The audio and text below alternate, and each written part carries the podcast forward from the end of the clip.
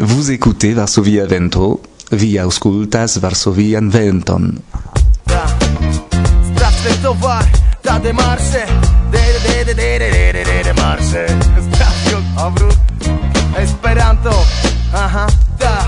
Vidu ci baron, ciu famas, ci agrablo Frappito en vito quasau, clânșe sur tablo. Vidu ci baron, ci epocon televidan Quasto chiullo lassa mason, hamam mason Chiu ca șasean rason, ni forfico stui Vidu ci baron, Kajne kashu en shranko kielshu Czarci shushel shura forf kas de marshe hula Vidu ci varion Kel vato de parolato Almo potri ludilo en haifi versio. Vidu ci varion Se brandacion ce aranjo Lupta spiedo mem ritmon calculas Vidancas Szanse las nukoj Vidu ci varion no Ci offerto camarado Dum la concerto i alvi al coro Esto zizonado vidu Ci varon ja Forusu Saluton. Ah, Saluton.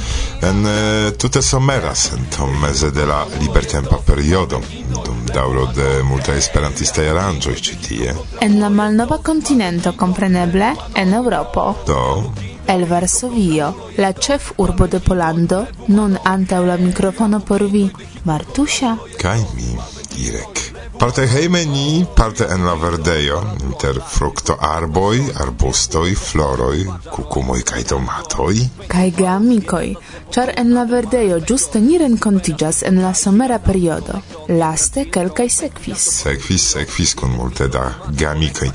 Kelkaj el inter vi jam konas ĝin la ĝardenon kun la dometo. Do oficiala komuniko por la ŝatantoj de la loko La cucumo iam mangeblas. Sed ancorau nedec specioi de tomatoi, ciuin ciare ni plantis, cae ciui por maturigi bezonas ancora du semainoi. Bedaurinde. Sed eh, ancau prunoi comenzas esti mangeblai, do se vi hazarde estos proxime informu nin. Nin au iun alien de Varsovia vento, char baldau ancau ni forveturos. Yes, vi pravas. Ja libertempo jus comencijas. Fin fine. Yes, fin fine, kai tio signifas pli da libera tempo, pli da riposo.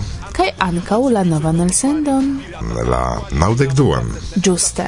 En kiu sufiĉe multe por aŭskulti. Kompreneble. Do post momento nia gasto Luana Franca rakontos pri siaj impresoj en Europa. Sekve Agata amike babilos kun Giam, kiun ŝi renkontis printempe dum la IOFO en Italio. Kaj kune kun mi rememoros Roskilde festivalon. En la tria parto, Agata kaj Michał prezentos al vi en havon de la lasta eldono de kontakto.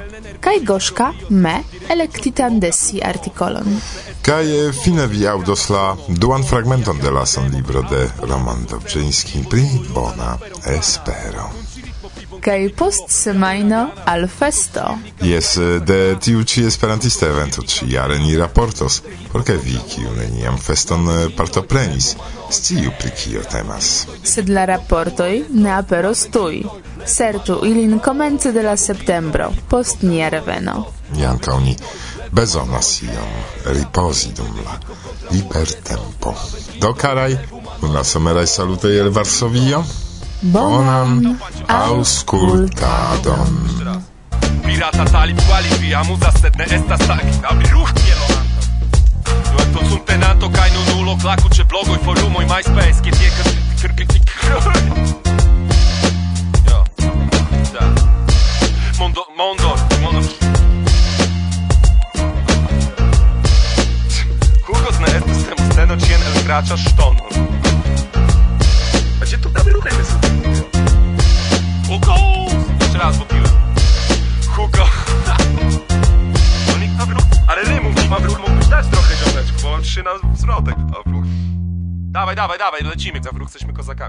Aqui quem fala é Luana e vocês agora escutam ah, os podcasts de Varsovia Vento.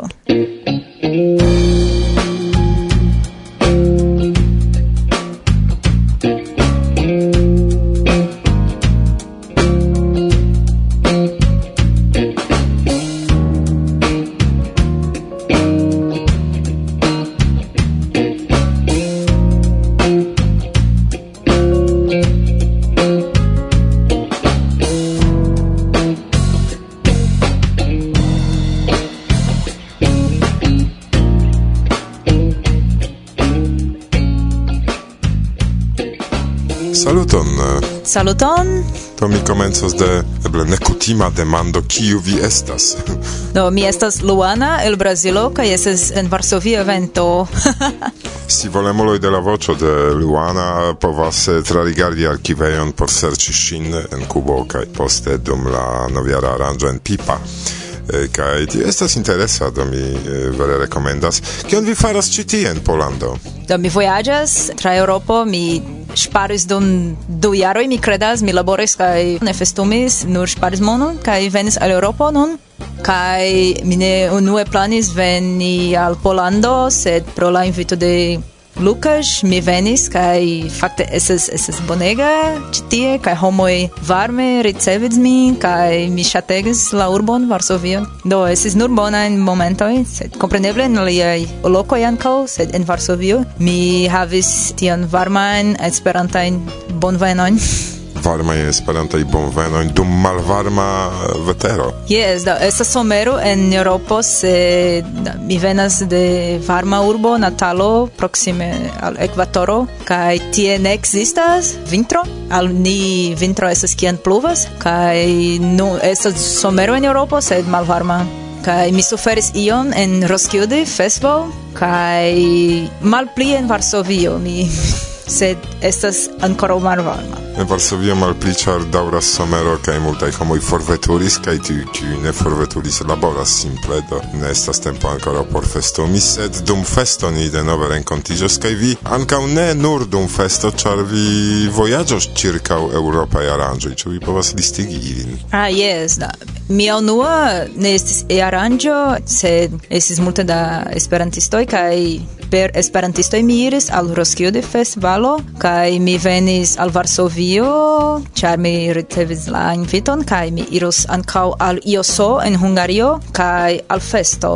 Mi profitus fakte multe da renkontiĝo mi ne scias ankoraŭ ĉu irus al Ioko en Israelo aŭ ne mi ŝatus sed mono mankas Ancora orange rencontigens fedio, poste estas arcones en Polando, alta orangio. Do, mi vidos, ĉu ne? Dependas se mi havos monon o ne, kaj mi, mi, mi ege volas, ĉar delonge mi ne estis en esperantaj aranĝo, la lasta estis nova, sed ege amuza al mi.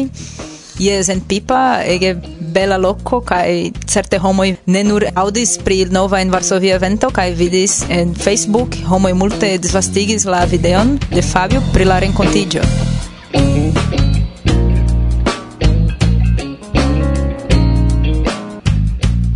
Kio multe da homoi loĝas en Brazilo? Ĉu vi memoras la statistikon?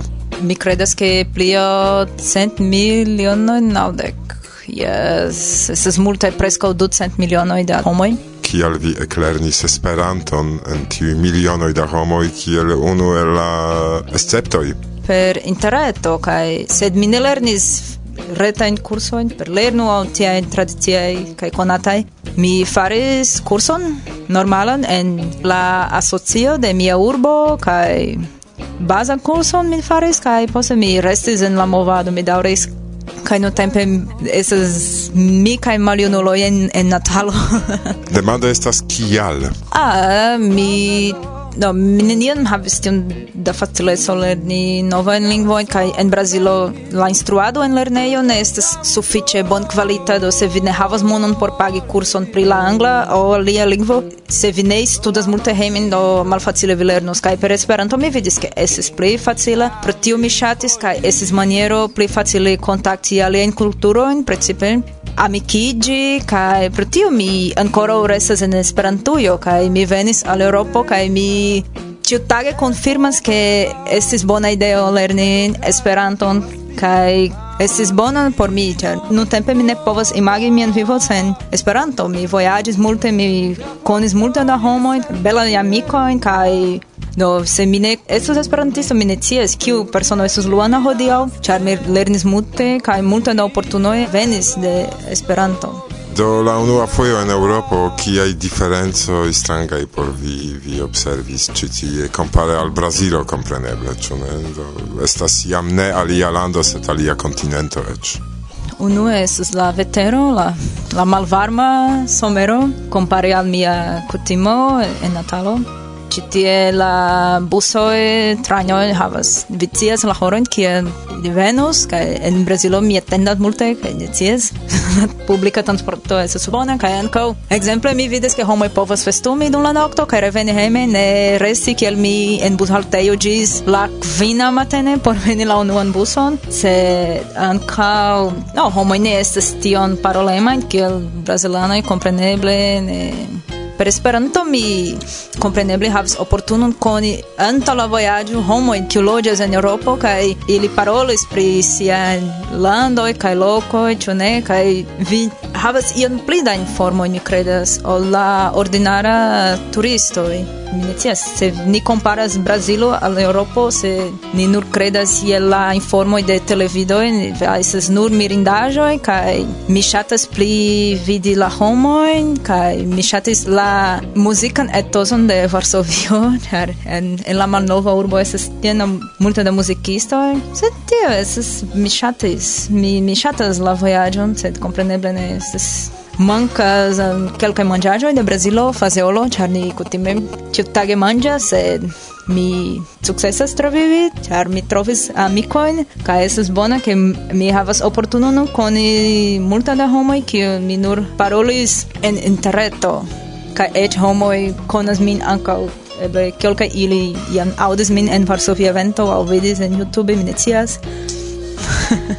Do kiam vi revenos ĉi tie, ja mi scias ke ni faros iun fazeolan eh, festivalon, ĉar fazeolo estas en kuirejo, sed ni tene kaptis ke vi ŝatas manĝi fazeolon, ĉu ne? Ĉar ni manĝas por salatoj ofte aŭ fazeolan supon, sed ne vere tiel ofte. Do mi promesas, se vi revenas do tiam fazeolumos ni dum via restado ĉi tie.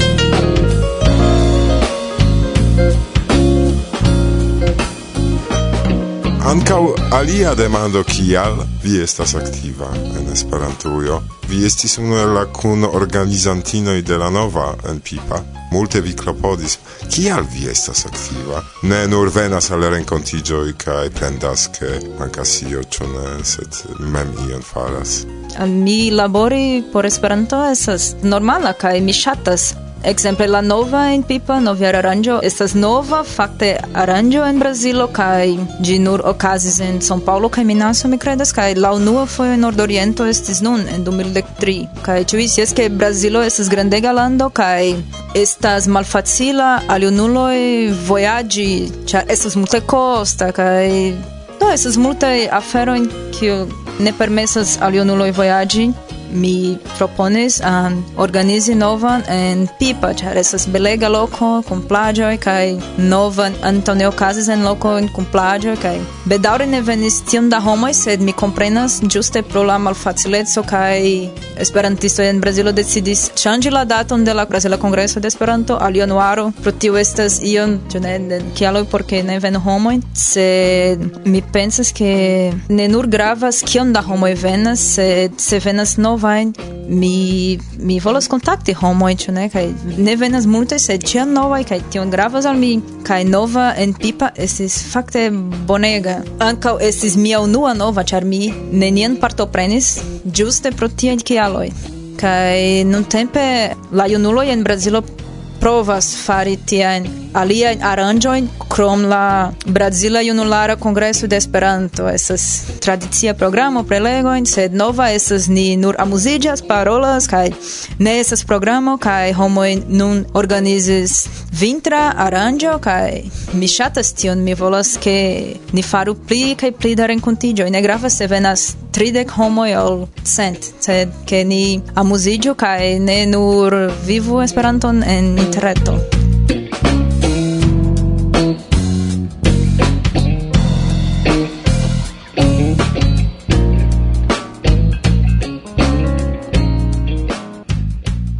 via maniere engagigis eh, en eh, antaŭ preparoj por la venontjara junulara kongreso? Uh, mi helpis pli en la komenco por kandidatiĝi, serĉi kongresejon kaj serĉi en interreton, telefoni, viziti lokojn en Natalo, en Fortalezo kaj mi profitis momenton ke mi estis en Fortalezo kaj mi serĉis, ĉar en Natalo estus nur mi por organizi iokon kiel lokoko kaj en Fortalezo estas pli da junuloj pro tiu al ni ŝajnas pli bona tien, ĉar estas pli da aktivuloj kaj al mi estas facila vojaĝi al la urbo kaj ni trovis bonan lokon por kandidatiĝi Fortaleza, sed mi poste havis alia laboro in de universitato kai tiel plu. Pro tio mi non tempe nestas tion aktiva en la lokoko, sed eble mi en Europo jan helpas Mi ne scias ĉu homoj estas tiom entuziasmaj por iri al Brazilo venontjare, mi esperas ke jes. Kial valoras ŝpari unu jaron por veni venontjare al Brazilo? Ah, bone. Uh... En Europo okazas multe renkontiĝoj kai multe da homoj nur konas tiajn in Europa in aranjoi. Esperanto nun kreskas kai ni vidas ke la internaciaj kongresoj okazas for de Eŭropo, okazas en Kubo, Vietnamio, nun en Israelo kai estas bone, ke la movado kresku for de Eŭropo, ĉu? Per tio mi pensas ke estas oportuno al homoj koni novan etoson de Esperantujo, mi ne scias, multe jam konas, sed estas novajn kiu ne havis oportunon kaj konas. Viaj tradicia aranĝo en Eŭropo kaj estus vintro en Brazilo, sed fakte tio ne estas tiom grava, ĉar estas tiel varma ol ĉi tie, se vi iros vi povos profiti la plaĝon normale kaj la sunon.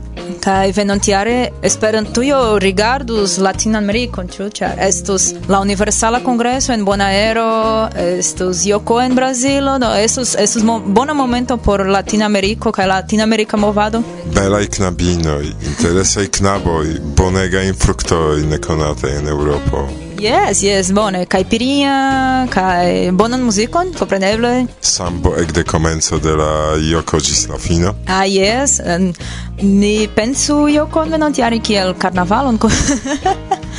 kiel Esperantan karnavalon, Kai anka eh, mi pensas ke sus momento ke ni rigardu Latinan Amerikon, ĉar ekzemple mi havas pli da amikojn en Eŭropo ol Latin Ameriko. Mi ne havas tion da amikojn en Argentino, Ĉilio, Bolivio. Al mi estas momento un, unuigi la movadon en Latin Ameriko. Ni unuigu la movadon kiel en europo Eble europanoj povos um, helpi nin compreneble. Pro tio gravas ke ili iru al Yoko en Brazilo, compreneble.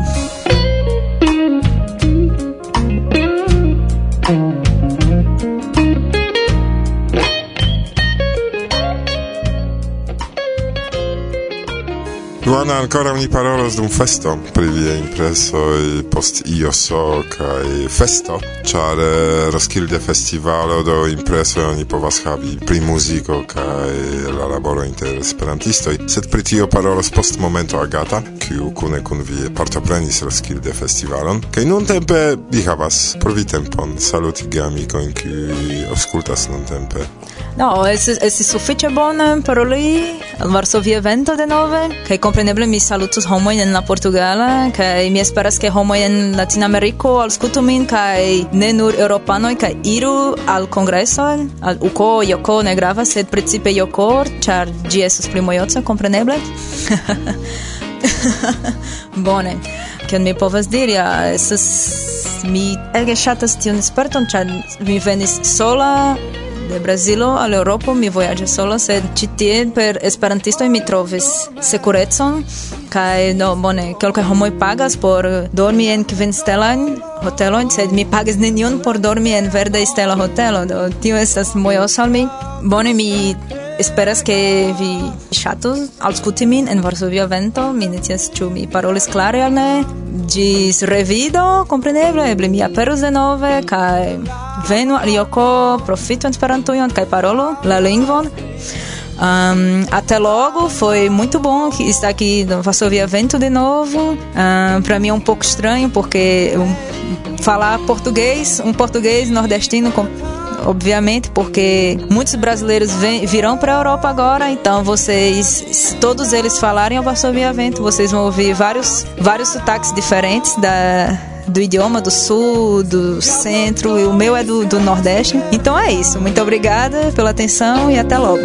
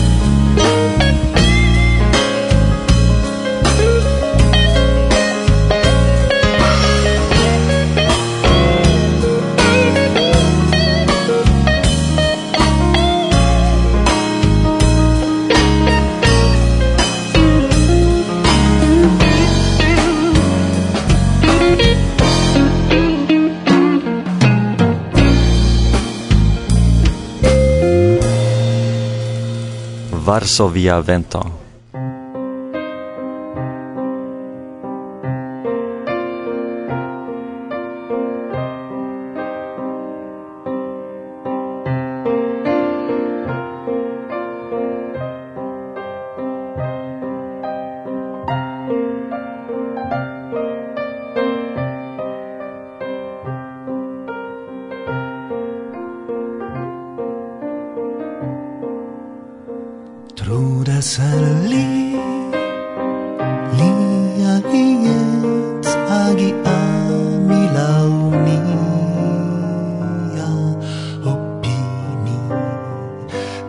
diras al ŝi ŝia ŝiec ne elekti laŭ sia.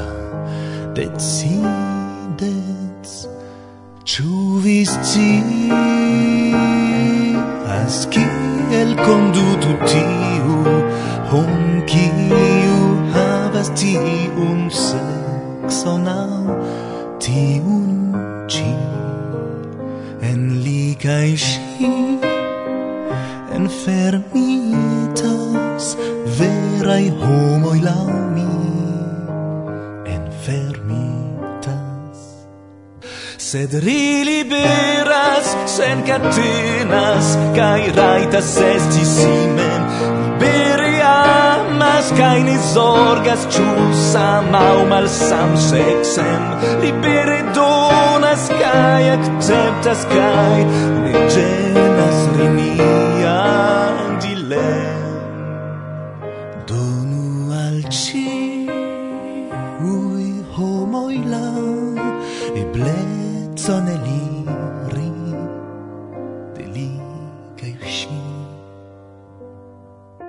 Mi estas Guillaume el Francujo. Hokkaido. Mi jus faris concerton hierau citie en Iofo, en Italujo, Apolujo. Do mi estas muzikisto, cantisto, Jen. Mhm. Ni am publikis du intervjuojn kun vi, do ĉu vi povas eble aldoni ion, ĉu estis io nova ĉe vi? Compreneble, estas multa novaĵoj.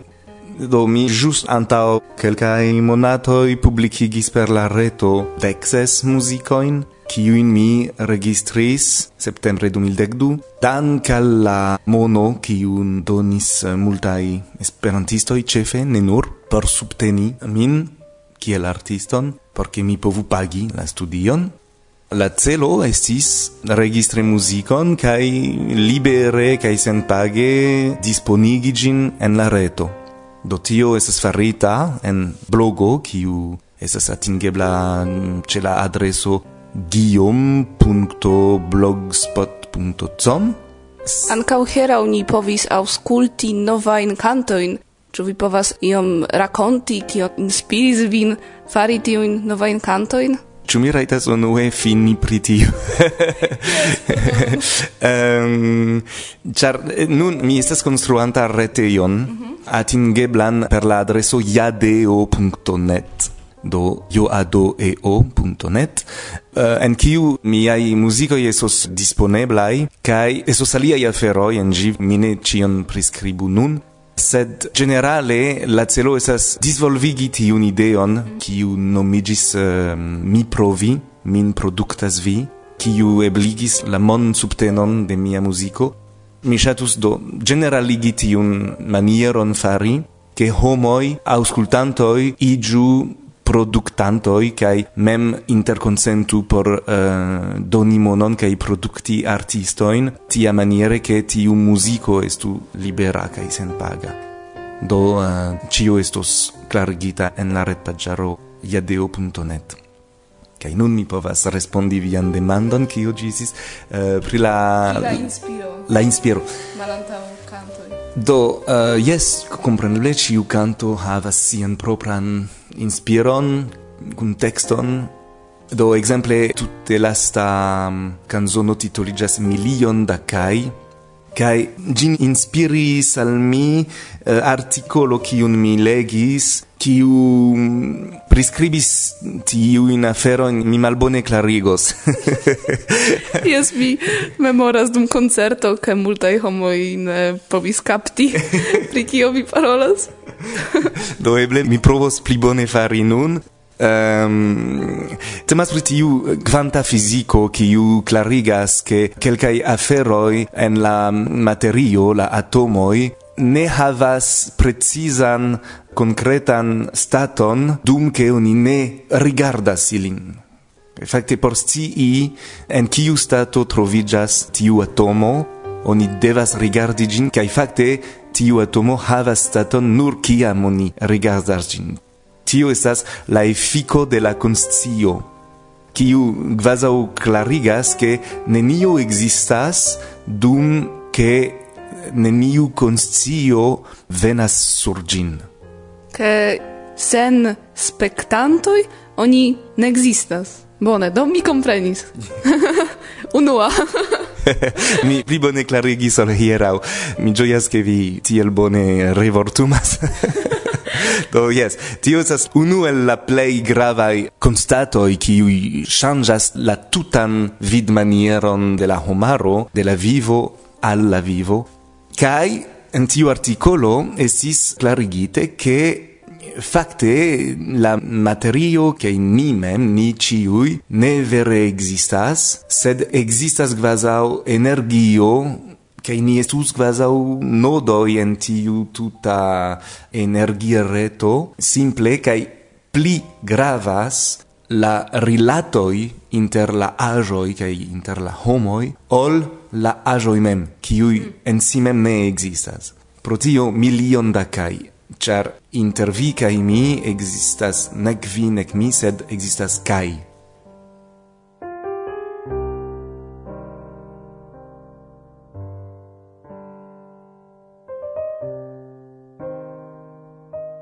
Vi parolis pri viaj retaj projektoj, do eble nun vi povas ion diri pri kiel oni povas fizike aĉeti viajn ehm, kododiskojn aŭ ĉu iu nova kododisko estus publikita.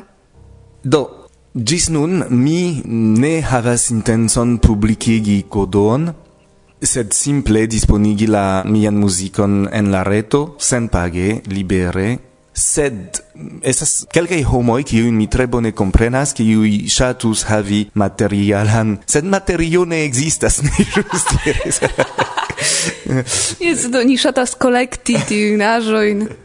Yes, so, mi tre bone komprenas.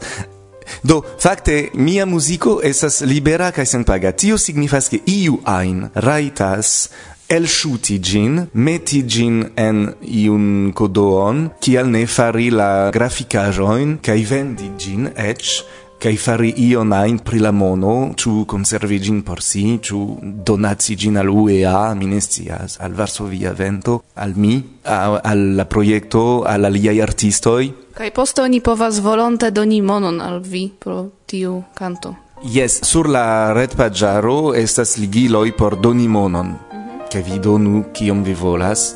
Kiel oni povas fari tion? Gis nun eblas per PayPal, ancao eblas per uh, UEA contoi. En li cae si, enfermita, verai homoi lau mi, enfermita.